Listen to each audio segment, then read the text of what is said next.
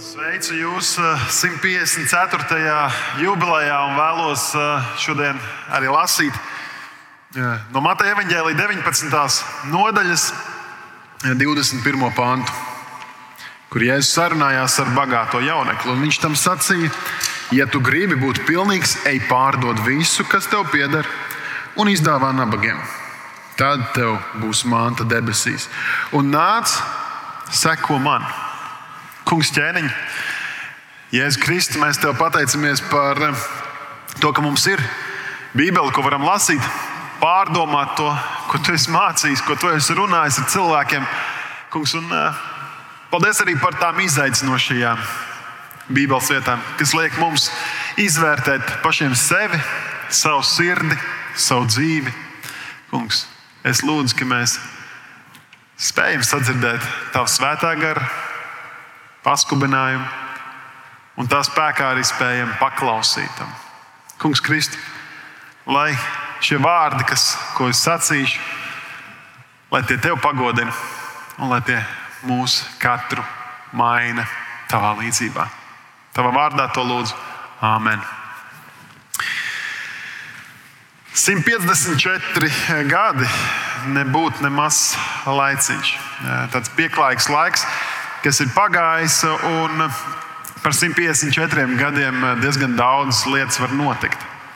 Un eh, es ticu, ka Dievs ir devis Matai draudzē šo laiku ar mērķi, eh, lai turpinoši varētu skanēt evaņģēlīja vēsts, vēsts par Jēzu Kristu. Eh, un nevēlti arī, kad šis nams tika būvēts 1902. gadā, tad tika izraudzīts apstuļa Mateja, mācekļa Mateja vārds, kā simbols tam, ka šī ir draudzene, kur aicināti ir tādi kā Matejs, kur ir bijuši kā muitnieki, kur ir jutušies kā nodevēji savai tautai, kur ir jutušies kā nodevēji saviem cilvēkiem. Kā vieta, kur teikt, nepareizie var nākt un piedzīvot to, ka Jēzus viņus neatgrūž, bet tieši otrādi ieaicina. Ka Jēzus ir tas, kurš dod iespēju mainīties. Un es ticu, ka ja jau 154 gadus mēs esam šeit varējuši būt un kalpot Rīgā, centrā, tad mēs varēsim arī vēl nākamos gadus Dieva žēlastībā turpinoši sludināt evaņģēlīju. Rādīt to, ka Dievs tik neprātīgi mīl pasauli, ka tik neprātīgi mīl cilvēkus, ka joprojām pazudušie var tikt atrasti un sastapti, un viņi joprojām var mainīties. Mēs esam kā draudzene aizvadītās sešas nedēļas, ieskaitot šo, domājuši par to, kā būt tuvāk, kā labāk iepazīt Dievu. Un mēs esam domājuši par to, cik svarīgi ir zināt par to, ko Dievs dara mūsos, kā Viņš ietekmē mūs, kā Viņš maina mūs. Bet ar zināšanām vien nepietiek. Ka, lai šī atjaunotā identitāte varētu patiesi vērtīgi izdzīvot, tad mums ir jāiepazīst Dievs tādā patiesā tuvībā, tādā patiesā intimitātē. Un tad arī mācīties Edgars runāja par integritāti, ja par to, vai mēs autentiski spējam izdzīvot savu ticību, to, ko mēs sakām. Un tad mēs esam nu, jau divas nedēļas, šī būs trešā nedēļa, kad mēs domāsim par to, kā mēs praktiski varam mīlēt cilvēkus. Par to, kā raizes pārvērst līdzjūtībā, par to, kā rīkoties. Tad pagājušajā nedēļā mācītāja Ainara domājām par to, kā atrast savu aicinājumu, kā saprast to, ko Dievs mums katram unikāli ir devis, kā to likt lietā. Un šoreiz turpināsim tēmu par to, kā mīlēt cilvēkus, domājot par, par pašaizliedzīgu dāsnumu. Dāsnums ir kaut kas skaists un fantastisks. Un tomēr brīdī, kad eh, mēs runājam par dāsnumu, jeb par finansēm, tad bieži vien baznīcā ir tāda pretreakcija, tāda sajūta, ka gaiss kļūst elektrizēts un, eh, un cilvēki mazliet piesardzīgi par to. Kā tad runāt par, eh, par finansēm, kā runāt par, par ziedošanu, kā runāt par dāsnumu. Bet, ja mēs esam uzticīgi rakstiem, Bībelē, tad Nu, tie, kuriem patīk skaitīt un pētīt, ir saskaitījuši, ka apmēram 500 Bībeles eh, panti vai rakstu vietas eh, runā par, par lūgšanu. Cik svarīgi ir lūgt Dievu, un tas ir svarīgi. Tāpat arī līdzīgs skaits ap 500 ir runa par ticību.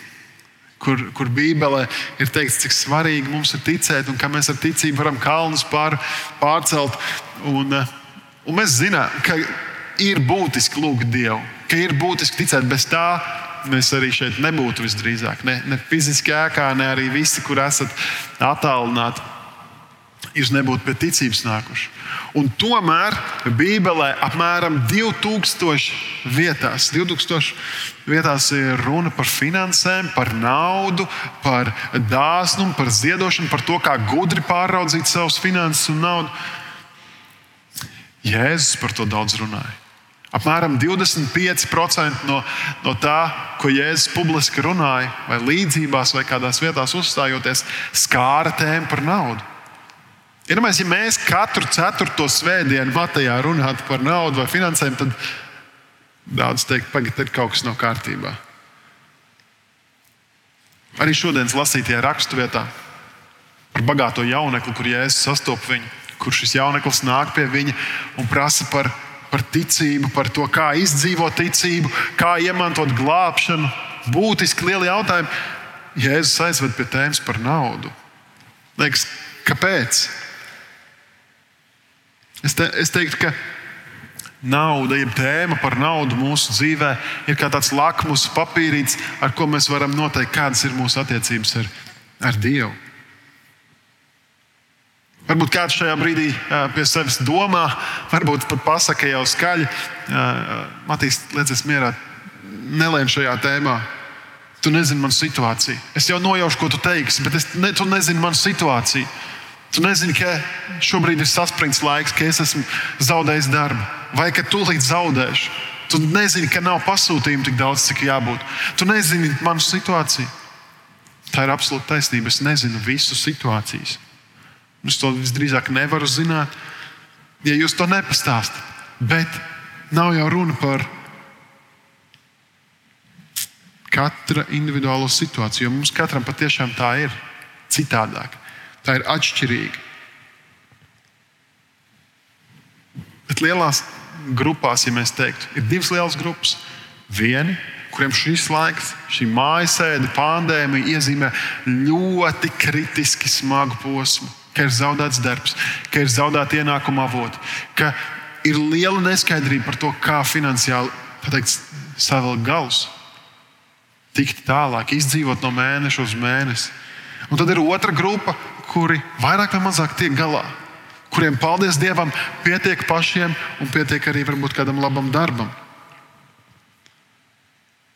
Man patika, kā mācītājs Mets Čandlers runājot par šo tēmu. Viņš sacīja, mēs visi, praktiski mēs visi, esam ieliekami kategorijās starp Salamanu gudrāko valdnieku, kāds Izrēlā ir valdījis, iespējams, vienu no gudrākajiem cilvēkiem, kas jebkad pasaulē ir dzīvojis, un Iebu, vīru, kurš zaudēja visu. Un mēs esam kaut kur pa vidu. Mēs neesam zaudējuši visu, mums kaut kas ir, un mēs neesam tik turīgi kā ķēniņš Sālamans, kurš varēja rīkot tādas dzīves, kuras mums varbūt pat sapņos nerādās. Un katrs no viņiem nonāca pie kādas īpašas atziņas. Sālamans savas dzīves norietā, kad ir rakstīta Sālamana mācītāja grāmata, viņš runā tukšība vai niecība. Viss ir niecība, viss ir kā vēja tvarsts. Tam nav nekādas jēgas. Ne naudā, ne baudā, ne balītēs, ne kādās citās lietās. Viss ir bezjēdzīgs šajā dzīvē. Un tā arī ir. Mēs vienmēr domājam, ja man būtu mazliet vairāk, tad es spētu labāk kalpot, tad es spētu labāk ieguldīties savā ģimenē, tad es spētu dzīvot kvalitīvāku, pilnvērtīgāku dzīvi. Tie ir meli.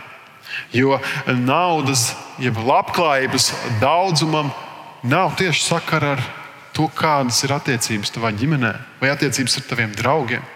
Jā, tas varbūt paņem nost kaut kādas daļas no spriedzēm, kas ir mūsu dzīvē, bet tās atkal lienas jaunas un varbūt pat eh, grūtāk panesamas cīņas un izaicinājumus. Turpretim Ieps, kurš zaudēja visu, kura ģimene tika iznīcināta, kura labklājība tika iznīcināta, viņš nonāk pie atziņas, ka attiecības ar Dievu ir tās, kas palīdz pastāvēt, ka tas ir vienīgais vērtīgais, kas šajā pasaulē ir. Un mēs esam kaut kur pa vidu. Es ticu, ka neviens no mums nav ieejama pozīcijā. Mēs neesam arī salmu un kurpēs. Un tad nu mēs esam tēma par to, kā mīlēt cilvēkus. Kā dāsnums spēlē lomu tajā. Nu, es teiktu, ka dāsnums, jeb devīgums, jeb ziedošana ir eh, kaut kas, kas mums ir vitāli nepieciešams mūsu pašu dzīves kvalitātei. Un arī tas ir tas, uz ko Dievs mūs aicina. Tas ir veids, kā mēs varam mīlēt cilvēkus. Un stabilas sistēmas ir jāieliek brīdī, kad reizēm ir ļoti grūti. Es zinu, ka mēs savā ģimenē ar, ar Elīnu esam runājuši, mēs esam bijuši dažādās pozīcijās, esam pēdējos gados uzticami bijuši tajā, ka vienmēr vismaz 10% mēs novirzam draudzē, un tad vienmēr mēs vēl mēģinām atrast kādu, ko mēs varam svētīt un kaut kā īpaši uh, iepriecināt. Bet Tā pašā laikā es atceros, kad es biju mazs puika. Man vienmēr, sēžot baznīcas rindās, vecāki iedeva e, kādu monētu, kas bija jāiemet ziedojuma traukā, tādā veidā mācot jau ziedošanas kultūru. Un es, es nekad neizpratu to, kāpēc mēs to darām. Man liekas, kāpēc mums tajā baznīcā ir jādod nauda. Tāpēc es nolēmu, ka es pasargāšu vecāku naudu no šī došanas. Uh, nezinu, kā to nosaukt, bet no šīs baznīcas, kas ņem vecāku naudu. Kaut ko mēs to brīvprātīgi devām. Un es paņēmu tos 50 centimus, kas man bija dot, un es viņus tā kā metu kastītē, bet es viņus ieliku plaukstā un neiemetu. Un es aizbraucu mājās, tēt, devu savam tētim, teicu, lūk, es pasargāju tavu naudu. Tā bija normāla brāziena par to, ka nu, tā gluži nevajag darīt. Nevajag eh, apzakt baznīcu, nevajag eh, apzakt dievu, un ka mums ir jāmācās dot ar labprātīgu sirdi, eh, vēlīgiem dot. Un tad, kad es pats sāku strādāt, tad pirmo reizi algu saņēmu, tad man bija jāsaka, domāt, kāda būs mana nostāja par ziedošanu, par došanu, par atteikšanos no kaut kā, ko es esmu nopelnījis, kā pateicība Dievam. Un tad bija posms, kad mēs lēmām, ja es laikam vairāk biju pats nolēmis, Elīnai viss vienmēr bija vienkārši. Viņa zināja, ka ir jādod 10%, un viņa vienmēr uzticami pie tā turējās. Bet man liekas, es došu to, kas man ir skaidrā naudā makā. Un kaut kā vienmēr gadījās, kad esot baznīcā, nekad nav nekas makā. Kontā, jā, bet es aizmirsu izņemt. Tas neskaitās. Un, godīgi sakot, kopš mēs esam skaidri nolikuši šo robežu, ka mēs vienmēr ziedojam, dodam desmitoties. Tas ir tik vienkārši. Ienāk kontā kaut vai neliela summa Uzreiz pirmā darbība gandrīz vai aizskaita matiem, aizskaita kalpošanai. Un nevis tikai tāpēc, ka es esmu šeit viens no kalpotājiem, garīdzniekiem, bet tāpēc, ka šīs ir manas garīgās mājas. Es esmu šeit 31 gadu, kopš es biju mazs zīdainīts. Šī ir vieta, kur es esmu piedzīvojis Kristu, kur es esmu iepazinis Jēzu, kur es esmu iemācījies kalpot un turpinu kalpot. Šī ir vieta, kur es garīgi pēdu, Desmitās tiesas princips ir kaut kas, kas, ko mēs atrodam Bībelē, vecā derībā, kur Ābrahāms ziedo desmito daļu no visas savas labklājības Melkisedekam. Un šajā tēmā mēs šobrīd dziļi nebrauksim. Ja jums ļoti interesē, jūs varat palasīt par to vairāk. Pirmā mūža grāmatā, vai ļoti daudz resursu, kas par to runā internetā. Bet vēlāk no šī principa arī Mūzes ievieš jau kā likumu desmitās tiesas principu, kas jānovirza tempļa kalpošanai, jeb levītu kalpošanai, kalpošanai sajiešanas teltī dievam. Un no tā tiek finansēta visa tā kalpošana. Un tā tas gāja cauri visai Izraēla vēsturē. Tā ir daļa, kas pienāks tam kungam no pirmajiem ienākumiem, kas katram ir.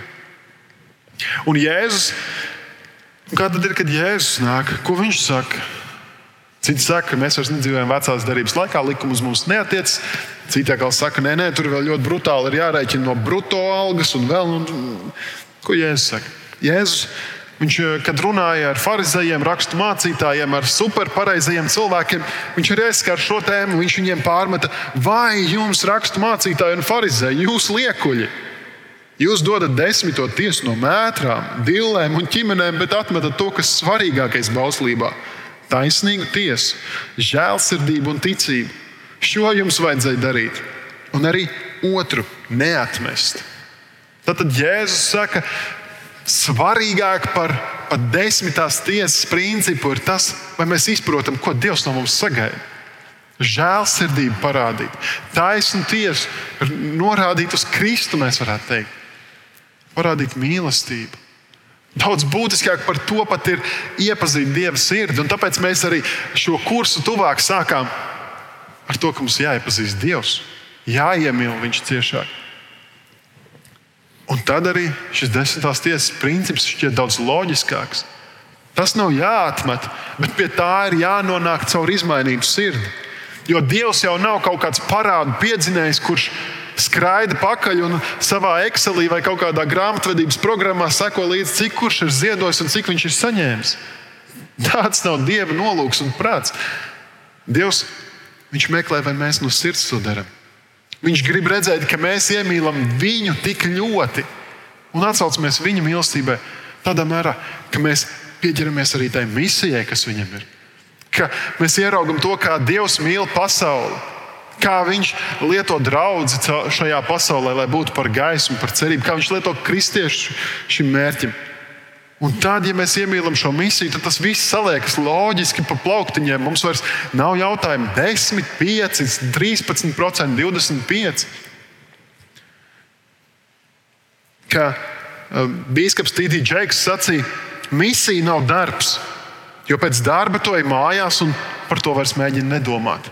Misija ir dzīvesveids, un dzīvesveidam nav stundu limits. Ja mēs iemīlam Jēzus Kristus misiju, ja mēs iemīlam Dieva sirdi, kura mīl cilvēkus šajā pasaulē, pazudušos, nepareizos, salauztos, tad mēs vairs nedomājam, vai man ir 9, 10, 7, 15%. Es vienkārši iemīlu to vēsti par Kristu, un es vēlos to līdzdalīt. Un es nesu to tālāk. Lai arī ko tas maksātu, lai arī ko tas prasītu, lai arī cik laiku man tas prasītu, lai arī cik finanses man tas prasītu. Jo brīdī, ja manā dzīvē vai tavā dzīvē notiek kaut kas ļoti traģisks un sāpīgs, vai ir nepieciešama kāda smaga operācija, vai ir notikusi kāda nelaime, kur ir nepieciešams pēkšņs risinājums, kas ir finansiāli ietilpīgs, mēs atradīsim kaut kādu veidu, lai piesaistītu finanses, lai strādātu trīskārši vairāk. Mēs laiku atradīsim, mēs pēkšņi spēsim prioritizēt pareizās lietas un lieko visu atstāt. Ja mūsu misija ir mīlēt cilvēkus, aizsniegt viņus, kļūst par mūsu dzīvesveidu, tad arī dāsnums caurstrāvos mūsu dzīvi. Un Jēzus vairs nerunā par desmito tiesu, Viņš farizējiem, raksturmācītājiem, likuma paklausīgajiem saka, jā, kāpēc jūs atmetat eh, tur skruplozi, skaitat 10% no ķimenēm un garšvielām un vispārējā, bet aizmirstat vērtīgāko. Tāpat arī šeit runājot ar turīgo, ar bagāto jaunekli, viņš nerunā par 10% likumu. 21. pants, ko mēs jau lasījām, Jēzus jauneklim sacīja, ja tu gribi būt pilnīgs, ej pārdod visu, kas tev pieder, un izdāvā nabagiem. Tad tev būs manta debesīs. Un nāc, seko man. Jēzus nerunā par 10%, Jēzus runā par 100%. Jēzus runā par kaut ko radikālu, par kaut ko, ko mums šķiet, es neesmu gatavs. Nē, nopietni. Es neesmu gatavs atdot visu. Par 10% es varu pastrīdēties un padiskutēt, vai tas ir taisnīgi vai netaisnīgi. Par 100% nekādā gadījumā. Pirmā draudzene šo pieņēma ļoti normāli. Pirmā draudzene viņa pārdeva savu mantu, apstuļu darba 2,45. Viņa pārdeva savu mantu un īpašumus un izdalīja visiem, kā kuram vajadzēja. Viņi ieraudzīja viens otru vajadzības. Viņi ieraudzīja, kā viņi var būt risinājums, kā viņi var nest svētību, kā viņi var būt dāsni. Ja, mēs, ja tavs kaimiņš vai kāds uh, tuvs radinieks teikt, nu es tur sāku iet uz to vienu draugu, tad, tad kustība ir tāda interesanta. Un tur bija viena tāda vajadzība, un uh, mēs ar sievu apspriedāmies, mēs pārdevām mašīnu, lai varētu palīdzēt tam cilvēkam tur operācijai. Mēs, mēs pasmaidījām, teikt, tu gan esi dāsns, un tā pašā laikā domāt, jocīgs arī. Tā īsti nevajadzētu darīt. Mazliet sektantiski izklausās, vai ne? Bet Jēzus mūs aicina uz pašaizliedzīgu dāsnumu. Tādu, kur es varu otru nolikt augstāk par savām vajadzībām. Un starp citu, Bībele mūs aicina uz to, ka mums jādzīvo šādu priecīgu devēju sirdi.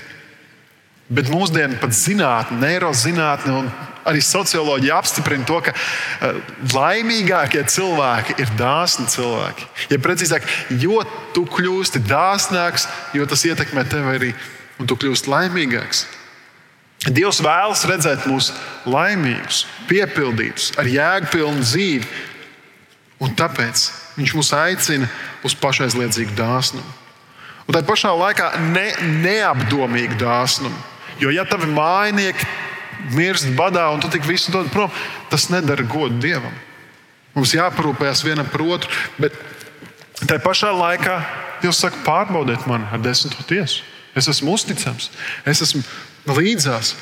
Pāvils vēstulē, otrajā vēstulē korintiešiem, 9. nodaļā, viņš saka, tad nu redzi, kas skopi sēž, skopi arī pļaus, un kas bagātīgi sēž, bagātīgi arī pļaus. Katrs lai dod tā, kā iesaka sirds, nevis ar sarūktinājumu vai piespiedu kārtā, jo priecīgu devēju Dievs mīl. Pirms tam kārtīgi izdomā. Mājās apsēties ar sievu vai vīru, saliekat savu budžetu. Es zinu, ka mēs lielākā daļa neliekam budžetus. Vismaz man tas ir ļoti izaicinošs procents. Es zinu, ka Edgars man, mazliet Edgars man nesaprot, jo viņš domā, ka visi liek budžetu un visiem viss sanāk Excelī ļoti labi. Un vienmēr ir ar, ar pluszīmi budžets, nevis ar mīnuszīmi, bet man vienmēr grūtāk ar šo iet. Paldies Dievam par, par internetu resursiem un tūļiem, kas palīdz to visu automātiski aprēķināt, vismaz redzēt pēc fakta, kur tad aizgāja tā nauda. Nevis tā kā senāk, es vispār nekad nezināju, kur man nauda aiziet. Bet apsēties ar savu sievu, ar savu vīru, padomā, kā mēs varētu dzīvot dāsnu dzīvi, pašaizliedzīgā dāsnumā. Kā mēs varētu ieplānot savā budžetā to, ka mēs kādu svētīsim. Kā mēs varam ieplānot to, ka mēs varam dot ar priecīgu sirdi, jo mēs esam jau to ieplānojuši. Nevis ar tādu rūkumu, nu, ah, kas šausmas, kā es varu dot. Man taču nepietiks rēķiniem. Un es saprotu, ka mums ir rēķini. Es saprotu, ka elektrības un gāzes cenas paliek augstākas. Es to visu ļoti labi saprotu. Bet runa ir par mūsu sirdi.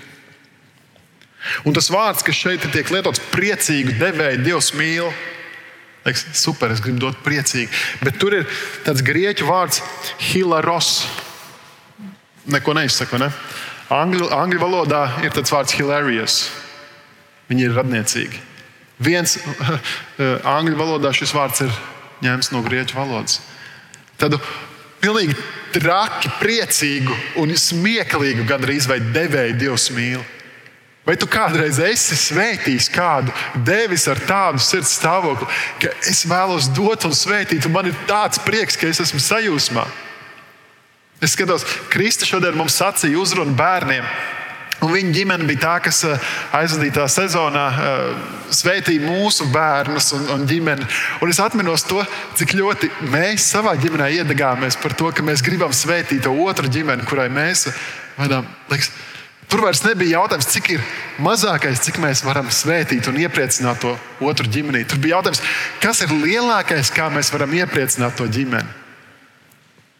Jo tajā brīdī, kad mēs svētījam, kad mēs dodam no sirds, tad mūsos attīstās šī laime, šis prieks, jo priecīgu devēju Dievs mīl. Kāpēc tā? Kāpēc? Tā? Tāpēc, ka tajā brīdī mēs portretējam Dievu šajā pasaulē. Jo Dievs ir Dievs, kurš svētī. Dievs ir Dievs, kurš no kura plūst ārā visa svētība. Viss, kas ir labs, nāk no Viņa. Dievs mīl svētīt.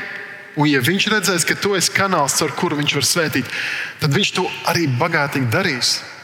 Šeit pat otrajā vēstulē korintiešiem, 8. pāns, viņš saka, Dievs spēj jums dot pārpildībā visādi žēlastību lai jums visa būtu diezgan, vienmēr un visur, un jūs būtu pāri plūstoši dedzībā uz katru labu darbu.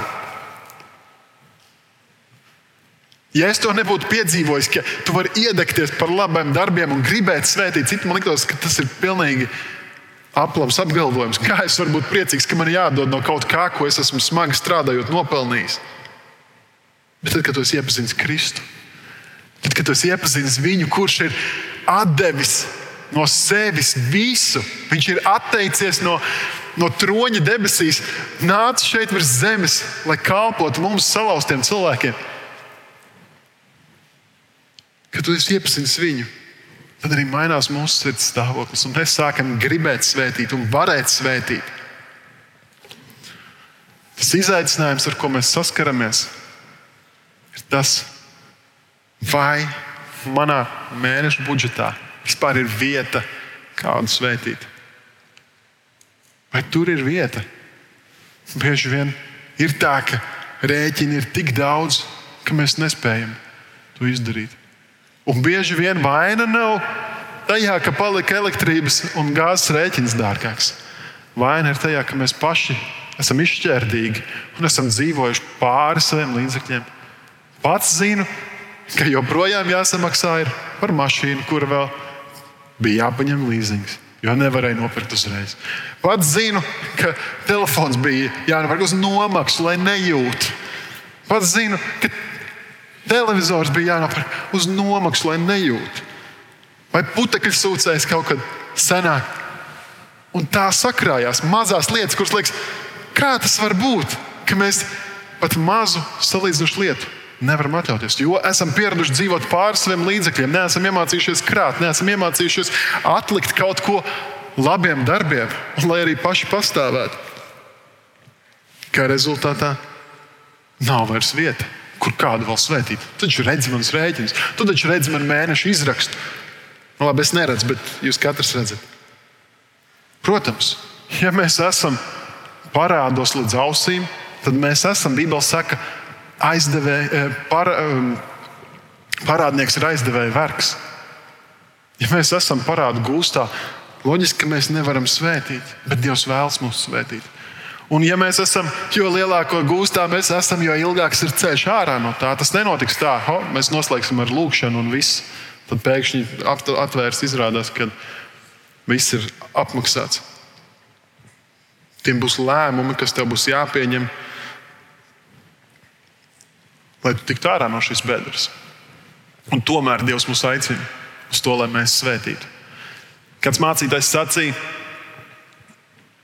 ka mēs sagaidām, ka sociālais dienests un valsts var parūpēties par visām cilvēku grupām, par trūcīgajiem, par tiem, kur ir vajadzībās. Bet īstenībā tas bija draudzes uzdevums - svētīt, iepriecināt, rūpēties par slimajiem, par vājajiem, par nespēcīgajiem. Tas ir tas, ko pirmā draudzene darīja. Tas ir tas, ko viņi darīja mēra epidēmijas laikā, ko viņi darīja ar lepras slimniekiem, ko viņi varētu darīt šobrīd ar covid slimniekiem. Iet un svētīt. Šajā mājasēdes laikā būs pietiekami daudz iespējas kādu svētīt. Kādu kaimiņu vai radinieku, kurš ir zaudējis darbu, vai kurš veselības dēļ nevar aiziet uz veikalu. Vienkārši var aiziet un svētīt viņu iepriecināt, parādīt Kristu. Lai to spētu, mums jāmaina domāšanas veids. Tā nauda, kas man ir kontā, tā nav mana nauda. Tā mašīna, kas stāv matai pagalmā, tā nav mana mašīna. Tā ir Dieva mašīna. Viņš neprasa desmito tiesu no manis, viņš prasa simt procentus. Viss, kas ir mans, ir viņa, un ja es varu ar to kalpot, tad man kā gudram pārvaldniekam tas ir jādara. Man ir jābūt šim gudrajam pārvaldniekam, un Dievs man ir iecēlis par to. Šajā mājasēdes laikā tā praktiskā daļa šai svētdienai - trīs lietas. Pirmais, ieraudzīj, kur ir problēma, kur ir vajadzība, par ko tev sāp sirds. Kas ir tie cilvēki, kas aiz tās problēmas stāv? Un ko es praktiski varu darīt, lai viņus iepriecināt, lai viņus svētītu, lai šo pašaizliedzīgo dāsnumu izdzīvotu dzīvē. Kur ir problēma? Kas ir tie cilvēki aiz tā, un ko es varu darīt, lai svētītu, lai parādītu pašaizliedzīgu dāsnumu? Skaties tuvāk. Neskaties uzreiz uz bērniem Āfrikā, kurus tu nekad nesatiksi un varēsi justies vainīgs par to, ka tu neesi palīdzējis. Ieraugi to senioru kundzīti kaimiņos, kurai tu zini, ka no pensijas līdz pensijai ir ļoti grūti. Ieraugi to radinieku vai tuvinieku, kurš ir zaudējis darbu, un palīdz viņam tajā brīdī. Ieraugi to māsu vai brāli, draugu, par kuru tev ir šaubas, vai viņš tiek galā labi. Kā mācīties Edgars izaicināja mūs, piezvan viņam, aprunājies, uzzini, kāda ir vajadzība un palīdz viņam. Ieraugi problēmu, ieraugi cilvēkus un uzdod jautājumu, ko es varu dot, lai to atrisinātu. Es gribētu redzēt, ka mēs matieši, ne, ne īstenībā visi kristieši Latvijā, ka mēs izdzīvojam šo pašaizliedzīgo dāsnumu. Ka mēs esam cilvēki, kurus sabiedrībā pazīst kā šos pārpriecīgos devējus, kuri svētī un gūst baudījumu no tā un prieku no tā. Jo mēs tādā veidā varam portretēt Dievu. Mēs tādā veidā varam parādīt, ko Jēzus darīja mūsu labā, atstādams visu. Jo praktisks rūpes un mīlestība ir labākais Dieva atspoguļojums. Es aicinu, ka mēs varam tikt šeit, piecelties un, un lūgsim, sagatavosimies, lai slavētu un arī sagatavosim savu sirdi vakarēdienam. Kungs, Jēzu, paldies Tev par to, ka Tu atstāji visu mūsu dēļ. Paldies Tev par to, ka Tu samaksāji par mūsu grēkiem, par mūsu pārkāpumiem, par, eh, par tām sāpēm, ko mēs esam ienesuši šajā pasaulē, pirms mēs jebkādā veidā spējām par tām samaksāt. Un joprojām nespējam. Kungs, paldies Tev par to, ka Tu parādīji piemēru. Paldies, ka Tu dod savu svēto garu, kas maina sirdi palīdz mums iedegties par šo domu un ideju, ka mēs varam svētīt, ka mēs varam piedalīties tavā darbā, ka mēs varam piedalīties tavā lielajā misijā. Kungs, Jēzu, parādi mums tos līdzcilvēkus, kurus mēs varam svētīt, kur mēs varam pašaizliedzīgi dot, kur mēs varam būt kāda cilvēka izteiktai vai neizteiktai lūkšanai, kā amen, kā atbilde uz to lūkšanu. Kungs, Jēzu, svētī un lieto mūs kā pašaizliedzīgs, dāsns devējs. Jo tu devi savu miesu par mums, tu devi un izlaiž asinis par mums, lai mēs varētu glābti tikt un iemantot mūžīgo dzīvību. Tavā vārdā to lūdzu un pateicos. Āmen! Slavēsim mūsu kungu!